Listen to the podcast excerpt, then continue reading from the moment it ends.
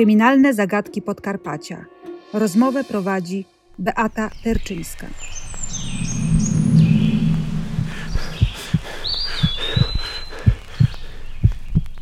Mariusz Trynkiewicz to seryjny morderca, przestępca seksualny, przez media nazywany szatanem z Piotrkowa.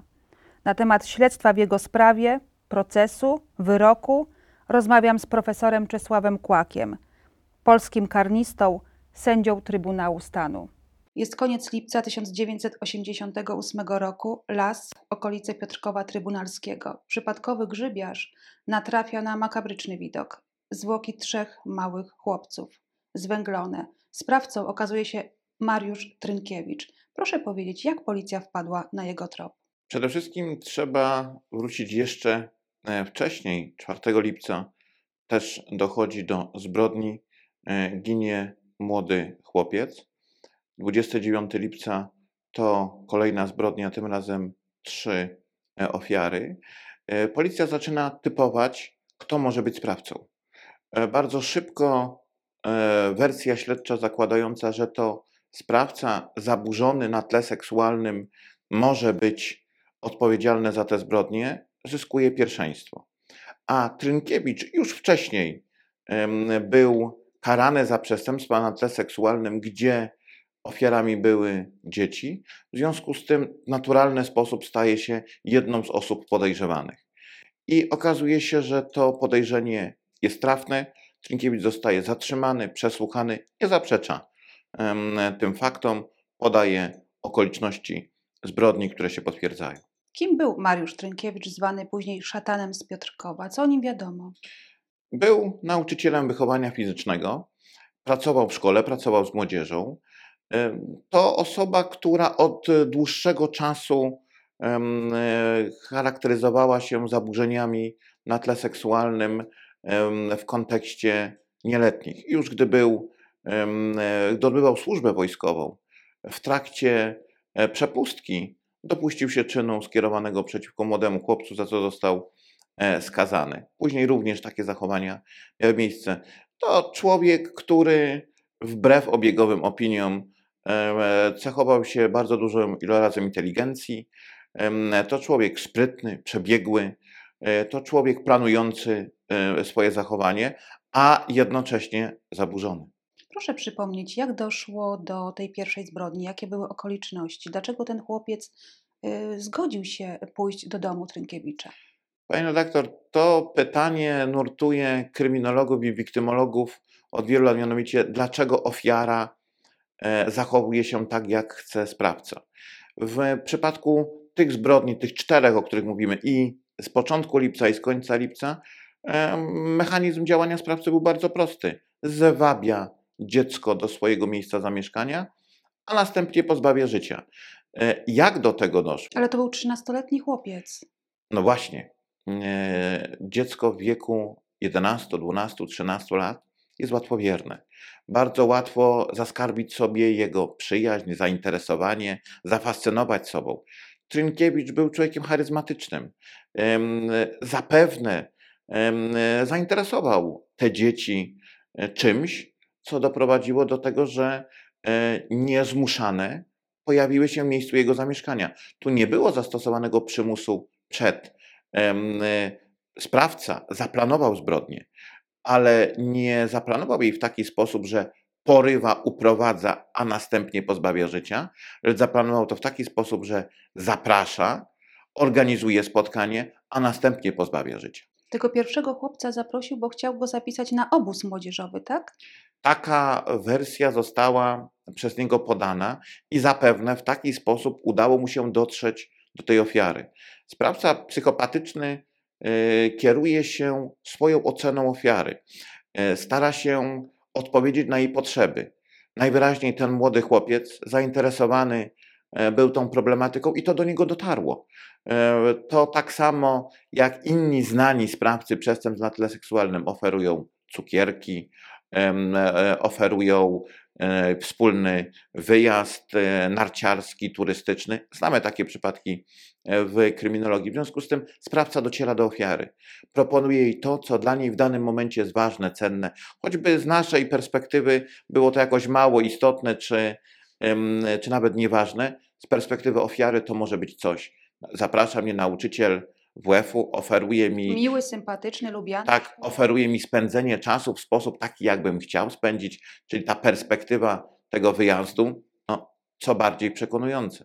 Jak zginął Wojtek? E, Nie chciałbym szczegółowo e, opisywać tego, w jaki sposób Mariusz Trynkiewicz pozbawiał życia te ofiary, bo nie chciałbym, żeby to stało się na przykład jakąś inspiracją czy instruktarzem.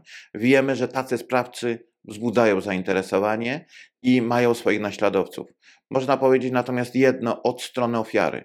Wszystkie cztery e, osoby e, umierały e, długo, a te ciosy, które zostały im zadane, były śmiertelne, ale nie od razu wywołały skutek w postaci śmierci. W związku z tym możemy powiedzieć, że przed śmiercią jeszcze ten czas od zadania ciosu do wystąpienia skutków w postaci śmierci no, w różny sposób się kształtował, ale był na tyle długi, że ofiary czuły, że umierają. Czuły, że kończy się ich życie i czuły też em, dolegliwość związaną z tym sposobem zadania zgonu. Wielu też nurtuje pytanie, dlaczego ci trzej chłopcy, których zaprosił rzekomo, y, aby obejrzeli y, rybki w akwarium, prawda? Ym, Wielu nurtuje pytanie, dlaczego oni nie uciekli. Pani redaktor, no, na to pytanie y, nie znajdziemy odpowiedzi, bo ofiary nie żyją. E, Natomiast y, można zadać pytanie takie: dlaczego mieli uciekać? Zaproszono ich, zorganizowano im czas, było to dla nich atrakcyjne. E, Sprawca miał nad nimi przewagę, po prostu ich zaskoczył. Był sprawniejszy intelektualnie, silniejszy, przygotowany. Miejsce zbrodni było tak ukształtowane, żeby zrealizował swój zamiar. Po prostu mogli nie mieć takiej możliwości. Może sparaliżował ich strach. E, Może nie pomyśleli nad tym, bo to przecież dynamika zdarzenia była bardzo szybka. Po prostu sprawca wykorzystał swoją przewagę i doprowadził do ich śmierci. Tam w tym lesie policjanci znaleźli ślady, prawda, które mogłyby y, naprowadzić ich później na Mariusza Trynkiewicza. Mam na myśli tutaj ten kawałek zasłony. Tak, tych trzech chłopców znalezionych końcem lipca było owiniętych e, materiałem, e, który, jak później przeprowadzono badania kryminalistyczne, był zgodny z materiałem, który był w mieszkaniu Trynkiewicza i wykorzystywany jako zasłona okienna. Jaki wyrok usłyszał Mariusz Trynkiewicz? Pierwszy wyrok. W przypadku tych wszystkich czterech zbrodni e, sąd orzekł karę śmierci, bo taka kara wtedy była najwyższą karą znaną polskiemu kodeksowi karnemu. Ale I- jej nie wykonano. i jako łączna kara została orzeczona kara śmierci. Tylko pamiętajmy, to był e, miejsce zdarzenia Piotrków, e, rok 88, a w roku 89 następują zmiany wolnościowe w Polsce. Zostaje w związku z tym ogłoszona amnestia. Ustawa amnestyjnie, amnestyjna zamienia orzeczone i niewykonane kary śmierci na najsurowszą znaną wtedy prawu karnemu e, karę 25 lat pozbawienia wolności, przy czym to trzeba jednoznacznie powiedzieć, tu można było przewidzieć dożywotnie pozbawienie wolności, nie zrobiono tego. W związku z tym Trynkiewicz nie tylko e, zyskuje e, ze względu na to, że kara śmierci nie została wykonana, ale również zyskuje także i na tym, że ta kara staje się karą terminową. Kara 25 lat pozbawienia wolności kiedyś się kończy. Oczywiście może być sytuacja taka, że sprawca nie doczeka końca tej kary, ale Trynkiewicz doczekał. W Nie 80. był taki stary, gdy... W 1989 roku nie przewidziano tego, czy może nie e, uzmysłowiono sobie, że te kary się kiedyś skończą. I one się skończyły. W przypadku Trynkiewicza w lutym 2014 roku. Gdzie odbywał kary? E, To był zakład karny w Czercach Opolskich, ale także od 2012 roku zakład karny w Rzeszowie Załęczu. Co wiadomo o jego pobycie tutaj w Załężu? Jak on się zachowywał? Nie chciałbym zdradzać szczegółów związanych z e, pobytem Mariusza Trynkiewicza w jednostkach penitencjarnych. E, Natomiast z całą pewnością można powiedzieć, że ten rodzaj zaburzeń, który został stwierdzony u Mariusza Trynkiewicza, mimo podjęcia terapii wobec niego, był na tyle e, istotny i powiedziałbym wpływający na jego funkcjonowanie, iż e, prawidłowo rozpoznano, że zachodzi duże prawdopodobieństwo ponownego popełnienia przez niego e, podobnych czynów. W związku z tym trafnie, ostatecznie został umieszczony w ośrodku dla sprawców zaburzonych psychicznie stwarzających zagrożenie dla życia, zdrowia i wolności seksualnej innych osób w Gostylinie, ale co ważne, trzeba też na to zwrócić uwagę, bo to też była informacja e, medialna. On, odbywając karę pozbawienia wolności, jeszcze przed opuszczeniem e, zakładu karnego, posiadał materiały pornograficzne. Pierwotnie prokuratura błędnie uznała, że takich materiałów nie miał. Ostatecznie został oskarżony i skazany za posiadanie materiałów zawierających pornografię dziecięcą, co najlepiej pokazuje e, skalę zagrożenia i stopień zagrożenia z jego strony. Mhm. Czy on w tym ośrodku w Gostyninie zostanie dożywotnio? No, teraz Mariusz Tymkiewicz odbywa karę za um, posiadaną pornografię, natomiast e, o tym, czy zostanie po odbyciu tej kary e, dożywotnio izolowany w ośrodku w Gostyninie, to będzie każdorazowo decydował sąd. Należy co pół roku dokonać oceny stanu zdrowia psychicznego osoby izolowanej i na tej podstawie podejmować decyzję. W moim przekonaniu, biorąc pod uwagę ten rodzaj zaburzeń, jaki został stwierdzony, ale także to, w jaki sposób Trinkiewicz reagował na terapię. To znaczy, terapia nie doprowadziła do sytuacji takiej, że zredukowaliśmy to zagrożenie z jego strony.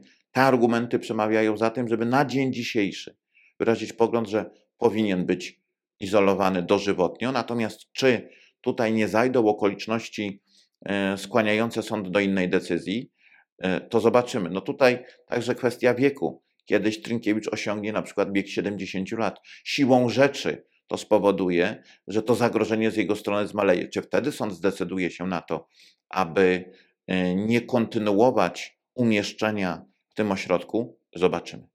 Opinię publiczną zszokował fakt, że Trynkiewicz znalazł kobietę swojego życia i ożenił się, będąc właśnie w tym ośrodku w Gostyninie. Jak, tam, jak pan profesor to wytłumaczy? Mnie ten fakt nie szokuje, ponieważ e, znamy takie przypadki, gdzie osoby, które dopuszczają się bardzo brutalnych zbrodni, są jednocześnie bardzo atrakcyjne dla innych osób. Atrakcyjne także pod względem matrymonialnym, Wiemy skądinąd, że Trynkiewicz otrzymywał liczne listy, w których proponowano mu związek, proponowano mu opiekę, e, proponowano mu no, wspólne życie. Nie był pierwszym e, skazanym za brutalne zbrodnie, który spotkał się z takim zainteresowaniem. Niektórzy twierdzą, że taki, taka brutalność przyciąga. Coś w tym musi być, skoro ktoś zdecydował się na zawarcie związku małżeńskiego z osobą, która obiektywnie stwarza zagrożenie e, dla otoczenia. Nie chciałbym oceniać motywów zachowania tej osoby, jej kondycji psychicznej. Niemniej jednak takie przypadki mają miejsce e, i też pokazują pewną naszą kondycję społeczeństwa. Czasami imponuje nam e, brutalność innej osoby, bo może sami nie jesteśmy zdolni do brutalnego zachowania. E, imponuje nam czyjaś charyzma. Niewątpliwie Trynkiewicz jest osobą charyzmatyczną. Potrafi zdobywać zaufanie, potrafi zmieniać e, swoje zachowanie w zależności od sytuacji. E, to dla jednostek słabszych psychicznie, e, posiadających jakiegoś no, taki, takie coś w rodzaju niewiary w siebie, jakąś taką kompleksowość w, w, w aspekcie osobowościowym, są w stanie wierzyć i być wpatrzone w charyzmatycznego przywódcę. Na tym przecież działają, oparte są, e, oparta jest działalność sekt. Mhm. A czy Trynkiewicz przejawiał jakieś e, poczucie winy, jakąś skruchę, czy nie? E, pytanie jest ciekawe, ale należy odpowiedzieć na nie innym pytaniem. Czy osoba z zaburzeniami preferencji seksualnych, odczuwająca napięcie związane z kontaktem seksualnym z małoletnim, a następnie eliminująca tego małoletniego z przestrzeni życiowej, jest zdolna do zrozumienia całego zła, które wyrządza, że była jasność, Trynkiewicz nie jest osobą niepoczytalną. On doskonale wiedział, co robi, jak robi, chciał tak zrobić i to zrealizował. To nie jest osoba, która nad sobą nie panowała. On zrealizował swój zamiar. A zrealizował go dlatego, że ten zamiar ukształtował się ze względu na nieprawidłowy rozwój jego osobowości, ale on doskonale wiedział, co robi. Jak twierdził e, wyrazem takiego mm, e, zrozumienia, że zrobił źle, było to, że tych trzech chłopców spalił. Czyli taka ekspiacja. Usuwam, palę, nie ma problemu, pozbyłem się go, jest dobrze. Ale czy to jest skrucha? To jest bardziej próba wytłumaczenia sobie, co zrobiłem. On nie twierdził, że zrobił dobrze. Miał świadomość, że w zły sposób postąpił. Ale jak dokładnie przeanalizujemy jego wyjaśnienia, to pojawia nam się obraz osoby krańcowo zaburzonej, osoby, która ma zatarte granice między dobrem a złem, który, dla której własne egoistyczne potrzeby są najważniejsze i która mówi: No dobrze, ale ja przecież pozbawiłem ich życia, ich nie ma, nie ma problemu. Czy to jest skrucha? No, to bardziej przeraża. Ja jeszcze dopytam, dlaczego Trynkiewicz trafił do zakładu karnego na Załężu w Rzeszowie? Dlaczego właśnie tam? No, od wielu lat zakład karny w Rzeszowie jest znany z tego, że tutaj realizowany jest program terapii wobec skazanych, zaburzonych seksualnie. W związku z tym Trynkiewicz trafił na taki właśnie oddział, bo to właśnie w Rzeszowie jest najlepszy, jeżeli tak możemy to określić, oddział tego typu w Polsce i tutaj trafiają tego typu sprawcy. Także to była świadoma decyzja. Trafił tutaj na dwa lata przed zakończeniem odbywania kary, po to, żeby zintensyfikować oddziaływanie resocjalizacyjne na niego i starać się osiągnąć przynajmniej y, jakiś postęp pozwalający mu powrócić do społeczeństwa, bo skoro kara się kończy, to musimy zrobić wszystko, żeby ta osoba do społeczeństwa powróciła. Nawet jeżeli my możemy zakładać, że do tego społeczeństwa nie powróci, to kara kiedyś się kończy. Szkoda, że to w ostatniej chwili tworzono prawo, które pozwoliło na izolowanie tego typu osób. Dobrze, że ono jest, bo w przypadku osób z zaburzeniami preferencji seksualnych prawdopodobieństwo e, ponownego popełnienia czynu zabronionego naprawdę występuje, a w niektórych przypadkach jest, jest bardzo duże. Dziękuję bardzo. Dziękuję bardzo. To nie koniec. Dr Arkadiusz Szajna, kierownik Laboratorium Badań Wariograficznych z Wyższej Szkoły Zarządzania Ochroną Pracy w Katowicach, wyjaśni pewne kryminalne zagadki. Mając na uwadze przedmiotową sprawę, warto w tym miejscu odnieść się do problematyki zabójstw na tle seksualnym. Zatem zabójstwem na tle seksualnym, według profesora Hanauska, jest pozbawienie życia człowieka pozostające w związku z popędem seksualnym sprawcy skierowanym na daną ofiarę. W tej grupie wyróżniono zabójstwa pozorne oraz właściwe, zwane również seksualnymi. Odnosząc się do tych właściwych, możemy powiedzieć, że są one popełniane po pierwsze w celu wzbudzenia popędu seksualnego, dwa w celu utrzymania lub nasilenia popędu seksualnego, trzy po odbyciu stosunku płciowego i cztery zamiast odbycia stosunku seksualnego. We wszystkich wskazanych powyżej przypadkach można mówić o motywacji seksualnej, tak? Zadajmy sobie jednak teraz pytanie, czy do zabójstw motywowanych seksualnie, proszę Państwa, należałoby zaliczyć takie, które się określa mianem pozornych. Co już nam niejako wskazuje, że ich sprawcami no, nie włada motyw seksualny. Do tej grupy Benedykt Cader, Jerzy Gruba, Józef Gurgul i Tadeusz Hanausek zaliczają zabójstwa, po pierwsze, pozorowane, czyli takie, gdzie to sprawca podejmuje działania celem zmylenia prowadzących na przykład śledztwo co do prawdziwych motywów. I w tym celu no, dokonuje takich zmian w wyglądzie zwłok, które mają wskazywać na seksualne tło, na seksualne podłoże przestępstwa.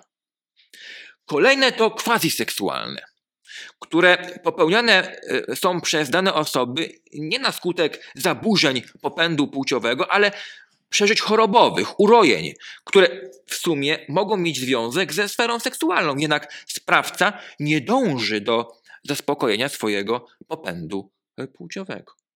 Następne to przypadkowe i mają miejsce wówczas, gdy celem sprawcy nie jest pozbawienie życia ofiary. Chodzi mu bowiem o odbycie stosunku seksualnego, gdzie śmierć ofiary następuje na skutek przykład nieostrożnego bądź brutalnego zachowania się sprawcy przestępstwa. Ostatnie, o których opowiem, to akcesoryjne, gdzie sprawca chcąc nie dopuścić do ujawnienia iż odbył z daną osobą stosunek seks- seksualny, zabija tą zgwałconą osobę. Eliminuje więc świadka tego przestępstwa.